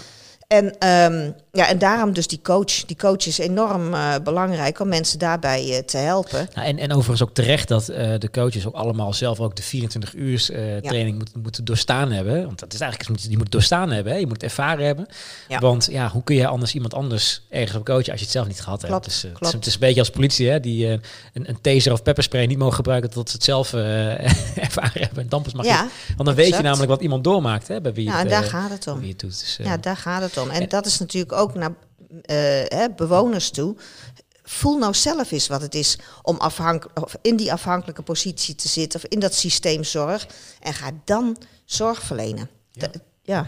En aan het einde, want ik heb ook eh, op je website even een paar filmpjes teruggekeken van, van eh, was volgens mij van een groep die dan net een, een sessie voldaan had, of een dagsessie was het volgens mij. Ja. En nou, je ziet inderdaad wel dat mensen met een brok in hun keel aan het vertellen zijn over wat ze ervaren hebben. En wat ik heel veel heb teruggehoord, dat, dat is dan zeggen van, ja, wat ik nu ervaren heb, wil ik niemand anders aandoen. Exact. En dat is wat, wat, wat bijna allemaal, eh, Ja. wat, wat al die mensen in die groep allemaal zeiden, zeg maar. Dus dat is wel, wel heel bijzonder. Dat, dat exact. mensen die in de zorg actief zijn, dat eigenlijk zelf ook ervaren hebben. En dat dan zeggen, Ja. hè, van, ja, dat is niet goed eh, wat, dan, eh, Nee. wat mensen ervaren. Nou ja, en dan ben ik heel blij dat wij dus de veiligheid hebben weten te creëren. Dat mensen dat durven te zeggen. En dat ze zichzelf durven zijn. Want alleen dan ben je ook bereid om je gedrag te veranderen. Want je gaat je als medewerker in de zorg, ga jij je gedrag niet veranderen als er van bovenaf gezegd wordt dat jij dat moet doen. Nee. Dat doe je niet. Dat doe je alleen als jij er zelf voor kiest. En dat is wat, wat, hè, wat wij eh, aan willen zetten bij mensen. En ja, daar komen emoties bij, maar wij zijn niet bang voor emoties. Laat maar komen. Ja, om, Ja. om beweging te creëren in gedrag moet eerst de bewustwording eh, gecreëerd worden. Hè? En, en dat, dat is eigenlijk dat stukje training wat je dan krijgt. Precies. Zijn er overigens ook mensen, want dat heb je bijna bij elke training en opleiding en dergelijke, wel mensen die dan als zich alsnog er tegen verzetten. Die dan zoiets hebben van, ja, nou, ik vond het helemaal niks dit. Het, Ja. eh, wat een onzin. Ja, ja dat kan. Hoe gaan jullie daarmee om dan? We vragen van, eh goh, kan je eens uitleggen wat is er met je gebeurd en wat maakt nou dat het jou niet raakt. Ja. Maar als iemand daaraan vast blijft houden, want het kan, hè, dat iemand, eh, ehm, ja, dat iemand dat van tevoren ook met zichzelf heeft afgesproken. Mij hebben ze niet, mij hebben ze niet, mij hebben ze niet. Ehm, en daaraan vasthoudt. Ja, en wat ik interessant vind is, wat is daar nou de oorzaak van? Wat maakt nou dat jij je dus niet veilig genoeg voelt, ehm, eh, zodat jij je, eh, jezelf kan laten zien? Ja, en eigenlijk tot nu toe eh, ja, zijn dat ook mensen die bijvoorbeeld een time-out aanvragen. En dat eh, is geen probleem, dat moeten ze ook echt doen, vind ik. Daar moet je echt gebruik van maken. En dan zijn het vaak mensen die eh, ja, persoonlijk fikse problemen hebben. Want dat is wel wat er in de training ook naar boven komt. Als je ziet wat de persoonlijke, ja, ehm, dat zeggen, eh, zoveel persoonlijke problemen eh, spelen bij jonge mensen vaak al, dat is heftig. Ja. En ik, het laatste wat ik wil is dat mensen over een toeren raken door een training van ons. Maar dat gebeurt ook niet, want daar spreken we gewoon open en eerlijk over. En ehm, ja, en dan nog, het kan, weet je wel, een enkeling die, ja, die het niks vindt, ja, dat, Ja, dat, ik, kan. ik begrijp ook wel waarom mensen zich dan er tegen verzetten. Want dan zit je van, nou, als het dichtbij komt, dan, is in één keer- dan, dan breekt straks alles open. hè, En dan komt straks alles er in één keer uit. En Klopt. ja, wellicht hebben ze daar gewoon geen zin in op dat moment. Hè. Dus dat, Nee, dat kan ik dan ook wel weer begrijpen Ik eigenlijk. heb het zelf eh, meegemaakt in de training. Dat een eh, een vrouw die eh, inderdaad heel erg in de weerstand en van, eh, nou, het is grappig, ja leuk, nee, echt leuk hoor wat jullie doen. Ja, nou ja, er was natuurlijk een muur van hier tot aan het plafond. Ja. En, maar op een gegeven moment hield, ze dat, hield ze het niet vol. Daarom doen we ook niet eventjes een, een half uurtje of een uurtje. Nee, het is echt langdurig, mensen in deze settingen. Want dan breekt op een gegeven moment weerstand ook af. Of mensen hebben iets van, ik hou dat niet vol. Ehm, En daar ben ik mee in gesprek gegaan. Dus een time-out. Zo van, wat gebeurt er nou? En wat zat er nou achter? Zij had kort geleden haar beide ouders verzorgd... omdat ze stervende waren. En zij heeft ze tot het laatste moment heeft zij ze verzorgd. En waar zij in het werk heel erg tegenaan liep bij haar collega's, was dus die automatische piloot. En iedere keer dacht zij terug aan de zorg voor haar ouders. En zij vond dat zo pittig.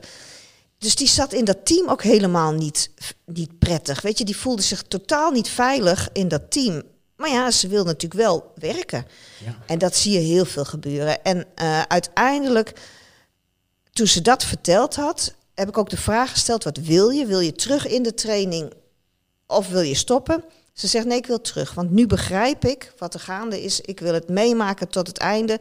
Ja, toen is ze erin gesprongen en toen is ze aan alle kanten mee gaan doen. En uh, ze was zeer enthousiast toen ze naar huis ging. En drie maanden later kwam ik haar toevallig tegen. En toen vroeg ik ze, goh, is het met je? Ze zegt, nou, wat ik gedaan heb, ik heb uh, gekozen om als eh, flexmedewerker aan het werk te gaan, even tijdelijk. Ze zegt, ik ben nog zo bezig om de, het, het overlijden van mijn ouders te verwerken. Ik wil daar rustig de tijd voor hebben. En als ik als flexmedewerker aan de gang ben, of aan het werk ben, dan, uh, dan ben ik niet gebonden aan één team. En dat is voor nu even beter. Even beter. Ja, hoe mooi is dat? Ja, dat dan zijn, ben ik blij. dat is echt een fantastische doorbraak natuurlijk. Ja. ja. ja, ja. Ja, je maakt, je maakt heel wat mee. Hè? Als je zoveel groepen mensen. Want hoeveel groepen mensen krijgen jullie eigenlijk zo gemiddeld? Kregen jullie dan misschien eh, tot aan. Um, we hadden vorig jaar onze 5000ste deelnemer. Wauw. Ja. Nou ja, we zijn natuurlijk ook al een aantal jaren bezig. Ja, nee, hè? maar dan nog. Dus, het, zijn, uh, ja. er, het zijn er nogal wat. ja. Ja, maar het is. Ja, fantastisch. Het is, uh, uh, we hebben nu een, uh, ja, on, alles staat on hold hè, op dit moment. Ja, begrijp ik. Um, maar we zijn bezig met een, een grote opdracht, een organisatie in het zuiden van het land die echt wil investeren in medewerkers om echt die, die bewustwording op gang te brengen en ze te ondersteunen andere keuzes te maken. Um, ja, die heeft ervoor gekozen om alle medewerkers te laten trainen bij ons. Wow. Via, met, door middel van zo'n traject van vier dagdelen. Ja, weet je, dat zijn prachtige opdrachten. En je, en je Ja. werkt samen, hè? Ja. Ik werk heel graag samen met zorgorganisaties, want je hebt allemaal hetzelfde doel.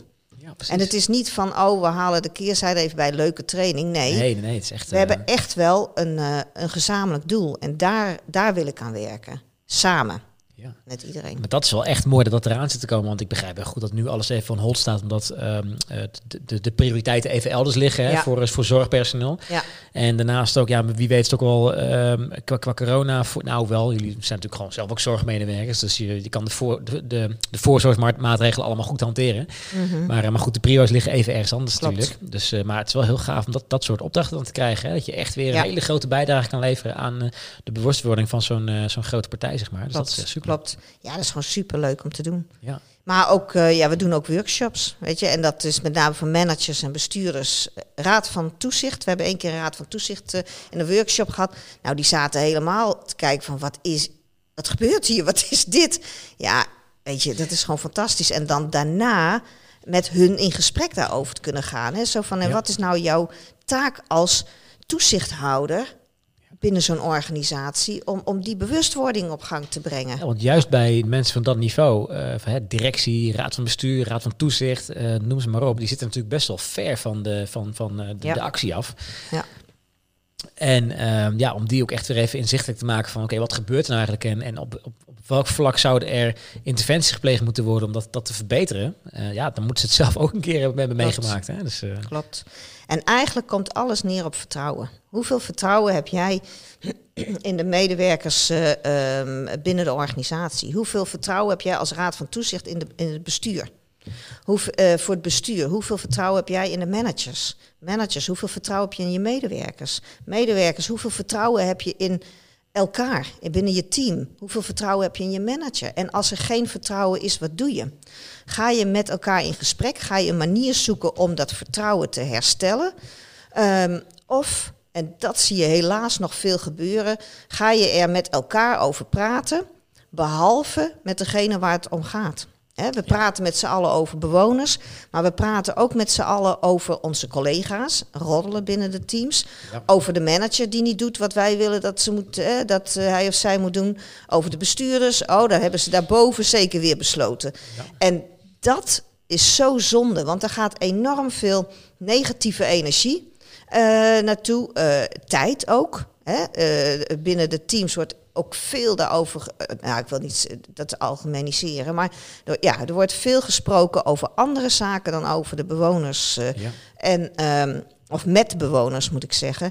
En dat is gewoon heel zonde. En ik vind dat we die cultuur echt moeten aanpakken met elkaar. En ik, ja, ik hoop daar gewoon uh, een bijdrage aan uh, te leveren. Met, met heel veel plezier, want ik geloof echt in de positieve energie. Zeker, ja. ja, ja. Dat is ook het belangrijkste, hè, om überhaupt alles gaande te houden. Helemaal in deze tijd ook, hè, om de zorg goed, goed lopend te houden. Ja. Um, jij hebt natuurlijk, omdat jij al best wel, ja, je zei net al 35 jaar actief in de zorgsector. Hè? Je hebt eigenlijk... Time flies when you're ja, having fun, ja, als het goed is. Ja, dat is, dat klopt. Maar je hebt waarschijnlijk de zorg als een soort van parabool heen en weer zien gaan. Van, van uh, overschotten, weer naar tekorten, weer naar overschotten, weer naar tekorten. Naar uh, genoeg geld overal voor, naar allerlei bezuinigingen en dergelijke. Hoe, hoe vind je dat het er nu voor staat? Um, wil je daar de corona ook in meenemen? Of? Ja, ja, ja, zeker. Ja, ja. zeker nou, een belangrijk ik, punt. Ja, ik denk echt dat we wel op een uh, heel belangrijk punt zitten. Uh, ja, qua ontwikkeling van de zorg. En dat we met z'n allen ook wel weten dat we het anders moeten doen als dat we de afgelopen jaren gedaan hebben. En wat ik, wat ik net ook zei, van in 94 was mijn eerste confrontatie van het feit dat die zorgplannen uh, geschreven moesten worden. Ja, hoe lang is dat geleden? Dat is 25 jaar geleden. 25 jaar geleden, ja. Ja, dat bedoel ik. Dus uh, um, ik denk dat we ook allemaal wel het bewustzijn hebben dat we gestapeld hebben continu verantwoording af moeten leggen. En, um, en de boel willen controleren. En dat is natuurlijk vanuit het ministerie naar zorgorganisaties, naar hè, de, de zorgverzekeraars, naar uh, de, de zorg, nou, noem maar op. Uh, we probeerden met z'n allen uh, het onder controle te krijgen. En, ja. zou, zou je overigens zeggen dat er, uh, als je kijkt naar, naar 20, 25 jaar geleden en naar nu, dat er in sommige vlakken nog steeds dezelfde vraagstukken liggen als, als toen? Ja, dat denk ik wel. Ja. Dat, dat blijft eigenlijk best wel bijzonder, hè? Dat, dat, dat je dan zo lang in, in de zorg werkt en dat je dan soms nog steeds vraagstukken voorbij hoort komen die 20 jaar of 25 jaar geleden ook al uh, uh, werden besproken. En ja, daar moeten we echt wat mee. Maar dan verandert er niks, hè? Wat, waar zit het dan eigenlijk altijd in? Um, nou, omdat ik denk dat het ook wel uh, gebeurt dat mensen het graag zo willen houden zoals het is. En dat is natuurlijk, ja, de een is de ander niet. Maar je kan niet veranderen uh, als je er niet vol voor gaat. En als je niet het, het, het lef hebt om het anders te doen. Als je niet met elkaar afspreekt wat het doel is wat je wil bereiken.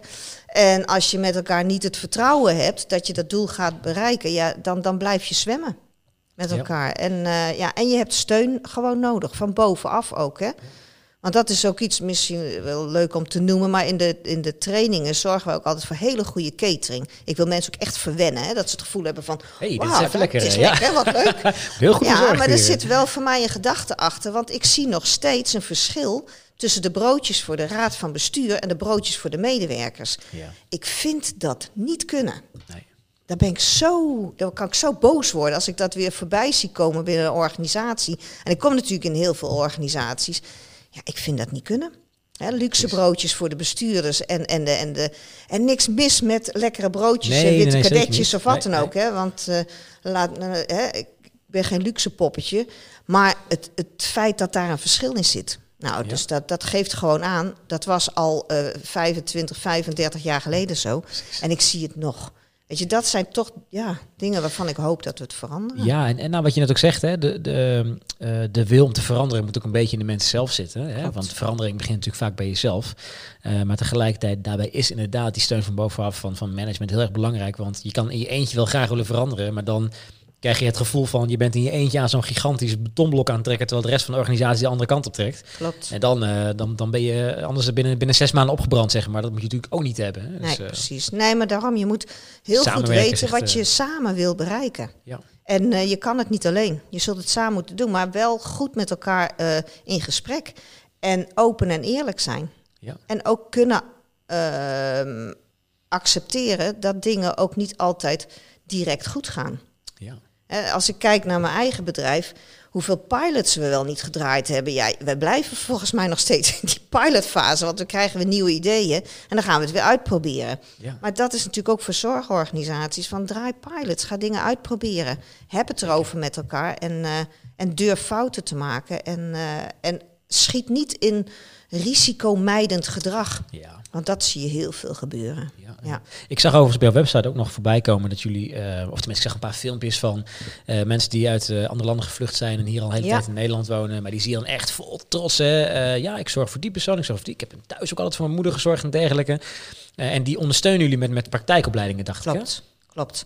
Ja, fantastisch om te doen ook. Ja. echt. Nou, ik geloof aan de ene kant met onze ervaringstrainingen en, en, en workshops wil ik eh, de huidige medewerkers ondersteunen in hun kracht terug te komen naar de passie voor het vak en terug te komen naar zichzelf. Eh, weer zelfvertrouwen opbouwen, eh, omdat we ze moeten behouden. Het Ja. kan niet zo zijn dat wij nieuwe medewerkers opleiden en huidig personeel gaat via de, via de achterdeur eruit. Dat, je ziet het gebeuren, het mag niet. We moeten echt investeren in die Ja, medewerkers. en, en, ook, en ook, nieuwe, ook nieuwe medewerkers hè, die na twee jaar zeggen van, "Pff, tot kijk, Exact, dit, eh, dit, didn't sign up for Oh. this, weet je. Oh, zoveel gemiste kansen. Ik vind het ook zo jammer. Maar ook de teleurstelling bij mensen zelf. Hè. Je kiest voor de zorg toch met een ander doel dan wanneer je voor een, een, een financiële functie kiest. Laten we eerlijk zijn. Je kiest omdat je iets voor een andere persoon wil betekenen. En dat je dan na twee jaar tot de conclusie komt van... ja, dit is het niet. Ik Ja. vind dat echt heel jammer, heel triest. En dat moeten we voorkomen met z'n allen. Dus, vooral, ehm, vooral de, echt die intrinsieke motivatie die mensen hebben om eh, eh, zorg te gaan verlenen. Hè? En als je dan inderdaad na, binnen twee jaar zoiets hebt van, nou, nou ja, nou, was dit het nou? Nou, laat dan maar ik ga al eh, bij een callcenter werken of zo. ja, Dat is ontzettend zonde natuurlijk. Het mag niet gebeuren. Ik vind nee. echt in deze tijd hebben we ieder- iedereen zo hard nodig.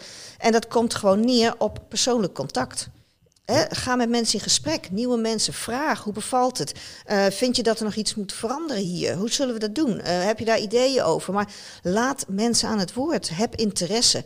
Ik heb ook altijd eh, de slogan zeg maar, in, de, in de training als ik coach van ehm, eh, luister je echt of hoor je iemand aan? Dat is, snap je? dat is echt een groot verschil. En als we Zeker, druk hebben, ja. dan gaan we mensen aanhoren. Ja. Ehm, maar we luisteren niet meer. Terwijl als je personeel wil behouden, luister. En mensen hoeven niet altijd gelijk te hebben, maar ga met elkaar in gesprek Dat, dat, zal- dat zal ook wel iets zijn wat bewoners of cliënten zullen, zullen merken. Hè? Want je, meestal kun je eh, aan de, eh, de, de non-verbale eh, reacties Oh ja. van mensen kun je gewoon zien of horen of, of aanvoelen wanneer iemand eigenlijk gewoon alleen maar aanhoort en niet luistert. Want dan, dan ga je, gaan mensen ook van. mhm. Oh ja, ja, ja, ja, ja, ja, ja. Nou, ik, ik moet even door hoor. Tot de volgende keer. Dat is gewoon aan, aanhoren in plaats van echt luisteren. Hè? Dus dat, dat zullen de bewoners ook wel erg merken. En dan direct denken van, oh, ja, blijkbaar ja. maar gewoon een nummertje of zo. eh. Precies. Nou ja, maar kijk, ook medewerkers uit de zorg, dat zijn doeners. Hè? Eh, ik ook, dat merk ik aan mezelf. Hè? Huppatee, niet te flauw en we gaan door. Ja. Ehm, maar ehm, een, een, een risico daarbij is, is dat je dus heel snel met oplossingen komt. Eh, als iemand, als een bewoner niet goed heeft gegeten, denk je, nou, hoe lossen we dat nou weer op? Hè? Oh, nou, dan neem ik het wel even over, of wat dan ook. Maar belangrijk is om dan naar de oorzaak daarvan te, te kijken, de tijd te nemen van waarom eet deze persoon zo slecht? Of iemand zegt, een bewoner, ik heb, ik heb niet goed geslapen vannacht.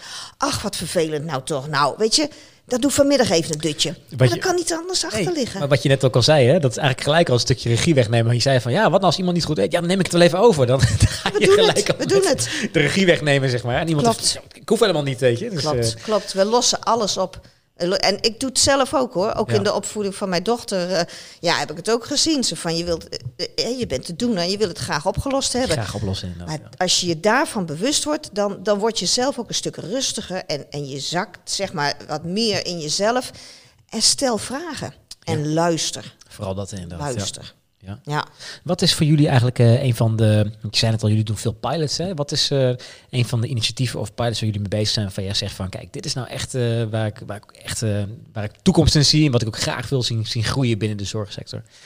Ehm, nou ja, wat ik zeg, de ene kant de, de medewerkers behouden op een Ja. andere manier. Dus echt veel meer regie naar de medewerkers zelf. Zodat het echt weer prachtige, mooie vak wordt eh, waar we allemaal voor eh, kiezen en willen kiezen.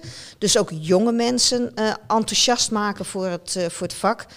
En, ehm, ehm, ja, en ten tweede natuurlijk het opleiden, de praktijkopleiding voor mensen met een, ja, een afstand tot de arbeidsmarkt, zeg maar. En dat zijn inderdaad ja, voor mij de, de, op dit moment, ik weet niet wat er allemaal nog gaat komen, maar de statushouders en vluchtelingen. Want wat ik heel mooi vind, en dan komt natuurlijk mijn reisverleden ook weer naar boven. ik vind gewoon die combinatie van culturen heel erg mooi. Ja. Ik geloof ook echt dat deze mensen, deze vrouwen zijn het natuurlijk vaak in die landen, die komen ons iets brengen. Want die begrijpen er niks van dat wij onze ouders in een verpleeghuis uh, stoppen, zoals zij dat uh, zien. Uh, dat begrijpen ze niet. Want ja, dat is bij hun ook niet. veel normaler. Hè? Dat, dat mensen gewoon bij uh, de, de, de kinderen van in huis wonen. In plaats van dat ze inderdaad in een verpleeghuis geplaatst Klopt. worden. Klopt. Ja, ja dus ja, twee jaar geleden uh, kwam het idee boven inderdaad om, om deze vrouwen een kans te bieden. Om een aangepaste opleiding te ontwikkelen. En dat was eigenlijk omdat ik via een zus die werkte bij vluchtelingenwerk. die kwam met een verhaal over een Syrische vrouw. Zij begeleidde dat gezin. Maar die vrouw die, doet de, die deed vrijwilligerswerk in de ouderenzorg. En iedere keer als zij kwam werken, dan waren die bewoners, die werden zo blij. En die zeiden van, oh kijk, kijk, oh daar heb je er, daar heb je er. Kom. En dan gingen zij koffie zetten voor haar, oh, in plaats van andersom. Want zij kwam als vrijwilliger juist de koffie en thee klaarzetten voor hun. Ja. Maar ze vonden het zo gezellig als zij er was. Dan gingen zij de koffie uh, zetten. Ja, ja, dat. En dat zette mij aan het denken van, wat gebeurt daar dan? Ja wat heeft zij dan waar die bewoners zo blij van worden? zij brengt blijkbaar iets compleet anders met zich mee, hè? Maar zij maakt grapjes en, uh, en voor haar is het heel normaal, want ze heeft haar eigen ouders ook uh, op die, eh, verzorgd. En dat zit gewoon in die cultuur. En toen dacht ik van wauw, hoe mooi is dat? Als we dat nou wat meer mee kunnen nemen in, hè, in onze manier van zorg verlenen. Ja. En, en hun een kans bieden op een andere manier, want ze lopen vast in het ook onderwijssysteem. Uh, van Nederland. Niet allemaal, maar een grote groep die blijft vrijwilligerswerk doen. Ja. En dat is zonde, want er zit zitten veel meer mogelijkheden in dan ja, dat. Zeker. Ja. En uh, uh, dus nou ja, daar ben ik toen mee aan de gang gegaan. Wat ik ontzettend leuk vind. En het komt weer neer op persoonlijk contact. Vraag wie ben jij? Wat heb je gedaan? Wat wil je? Waar word je blij van? Wat kan ik voor jou doen opdat jij je volgende stap kan zetten? Ja. Nou, en dat, is, uh, dat zijn we gaan ontwikkelen. En dan kom je op coaching on the job. Dus meelopen, er zijn. En zelf, omdat wij natuurlijk zelf uit de zorg komen, zelf deze vrouwen inwerken op de werkvloer. Dat hoeven de uh, medewerkers uh, niet te doen, want die hebben het veel te druk. Ja. Die hebben geen tijd om nieuwe medewerkers goed in te werken. Laat ons dat doen via coaching on the job. Vervolgens kan je, ik ben zelf ook praktijkopleider, uh, kun je dus praktijkverklaringen bijvoorbeeld van niveau 2, 3 kan je uitschrijven of hè, kan je ze geven en dan wat mooi is, is dat je dan gaat investeren in wat mensen wel kunnen. Ja. Want deze vrouwen, dat viel mij op, die lopen constant vast in het systeem omdat ze het niet begrijpen, maar constant geconfronteerd worden met wat ze niet kunnen. En wat, wat we dus zijn gaan doen is, wat kan jij wel? Ja, je en draait het heel mooi om inderdaad. Hè? Ja. ja. En wat is van grote waarde voor uh, met name in de ouderenzorg, uh, voor, voor ouderen die zorg nodig hebben? Wat heb jij te bieden? Ja, en als je daar dus gaat, in, gaat investeren, dan zie je die vrouwen ook van eigenlijk heel verlegen, bescheiden vrouwen. Ik weet nog dat ze zo in de eerste, hè, de eerste les zaten. Ja. Uh, zie ze uitgroeien tot. Uh, Hoppa, ja, maar uh, ik heb dat gedaan en dat gedaan. En ja, Geweldig. daar ja. word ik blij van. Ik, ja. ik kom ik wel steeds meer achter. Ik word enorm blij van als ik bij als ik andere mensen zie groeien. In, hè, ik zie de kracht toenemen omdat ik iets aangezet heb. Ja, ik gun het zo ook zo, omdat ik weet hoe fijn dat is als je in je kracht zit en ja. ideeën hebt en, uh, en door kunt groeien. Ja, het is dus, echt, uh, echt, je bent echt een, een, coach in, in hart en nieren eigenlijk. Hè? Dus, uh... Ja, maar het is ook zo'n fantastisch vak. ja, het is echt. En ik maak ook mijn fouten en ik Tuurlijk, heb ook mijn automatisme bij. en ja. noem maar op. Maar het is echt als je je dat eigen kan maken en je ziet dat gebeuren. En, ik, en die vertrouwensband met die vrouwen, want ik laat ze ook niet los ik, ik, ik zeg ook tegen ze van, weet je, als je vastloopt, bel mij. En ik kom. En het gebeurt ook inderdaad. Want het blijft gewoon moeilijk voor deze vrouwen om mee te gaan in het zorgsysteem uh, in Nederland. Ja. Er gebeuren ja. dingen in een, een, vergadering, wordt er iets gezegd of wat ze niet goed begrijpen, of in de samenwerking met collega's gebeurt er iets waar ze ja, niet tegenop kunnen, zeg maar. Ja, ja dan ben ik er als coach. En uh, ja, en uh, ik stuur geen factuur, want ik doe dat gewoon. Ja, ik vind het superleuk Ja, om te doen. gewoon pro bono, zeg maar, eh, gewoon om ze te helpen inderdaad. Ja, Eh, nou wat ik zou het zonde vinden, kijk, zo iemand investeert heel veel vanuit zichzelf, geeft al het vertrouwen naar ons toe. Ehm, investeert heel veel in het werk en, eh, en wij investeren heel veel in die ondersteuning. Dan mag het niet zijn dat dat op een gegeven moment stopt, omdat, omdat we elkaar eh, niet steunen, weet je? O- Ja. Omdat er iets in het werk gebeurt wat, Klopt. wat tegenvalt, wat, eh, ehm, ja, waar, ze, waar ze door geblokkeerd zijn geraakt. Ja, dat gaat niet gebeuren. Nee, Nee, dan gaan we zitten. En dan komt iedereen erbij die betrokken is. Ja, en dan gaan we met elkaar praten. En we Ja. gooien het open en eerlijk op tafel. Niemand heeft gelijk. Maar hier zit een stagnatie. En we moeten hem oplossen. Want deze persoon gaat door. Ja, en dat is ook de enige manier om het op te lossen. Hè? Gewoon echt met elkaar in gesprek gaan. Even terug naar de kern en, eh, en eh, het probleem op tafel krijgen. En, en de oorzaken aan, aangrijpen. Niet slechts de symptomen bestrijden. Precies. Want ehm, eh, dat, dat zie je ook vaak veel. Hè? Dat bij personeelstekorten of mensen die verdwijnen of de zorg uitgaan. Dat vaak te veel gekeken wordt naar de symptomen. In plaats van echt naar de oorzaak te kijken. Klopt. Dus, dus ja. Maar, maar het is wel grappig. Jouw organisatienaam, de keerzijde, eigenlijk dat, dat, dat proef je overal in al jouw initiatieven. Proef je dat wat ook wat je net zegt van ja, we draaien iets om door te kijken naar wat iemand wel kan. In plaats van, nou, dat is ook weer een soort van keerzijde. Hè? Dus Ja, eigenlijk klopt, alles, eh, Klopt, klopt. alles past, past eh, de keerzijde. Gewoon jouw, Ja. jouw missie ook, hè? de keerzijde. Dus, nou, dat eh, denk ik ook.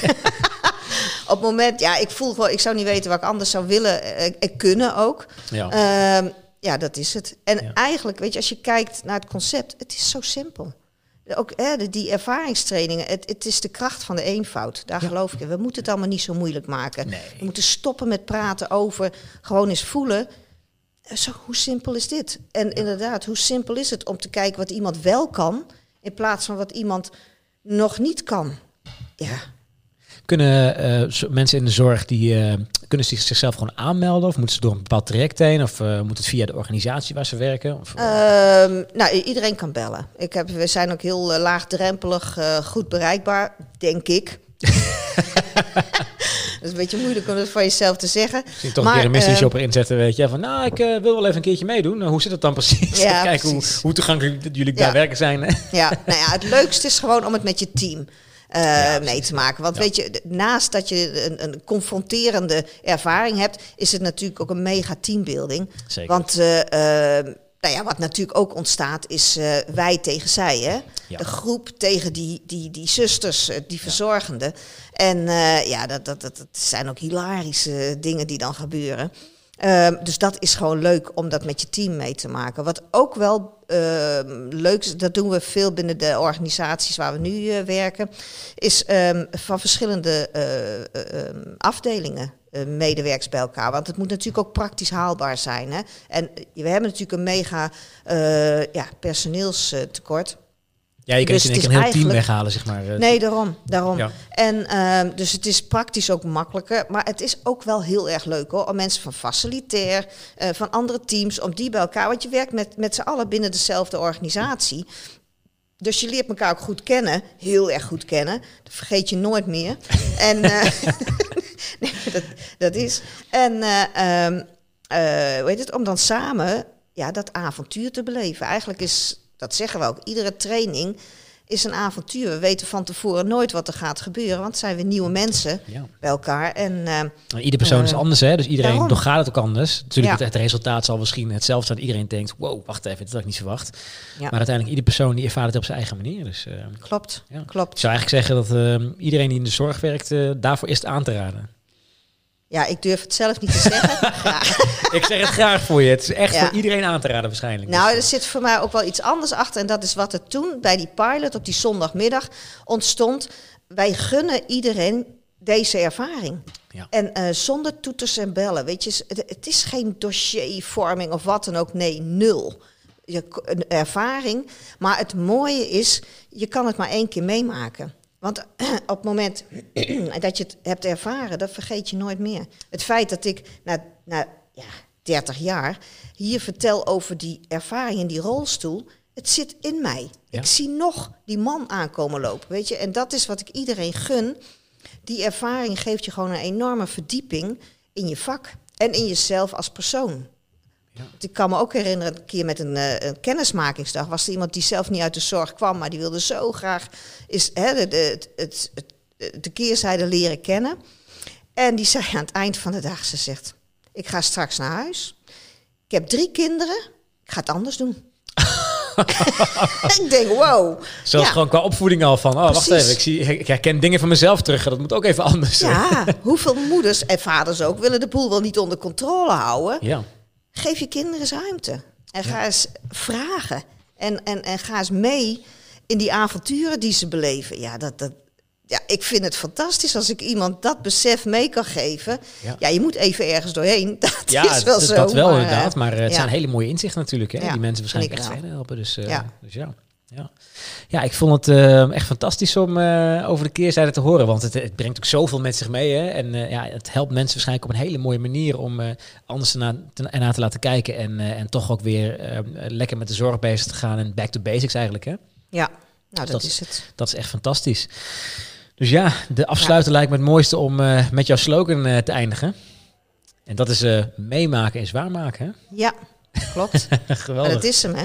Ja, precies. Ja, Lieke, Ja. ik vond het een eh, ontzettend leuk gesprek. Heel interessant om te horen over jouw ervaringen en uiteraard over de keerzijde.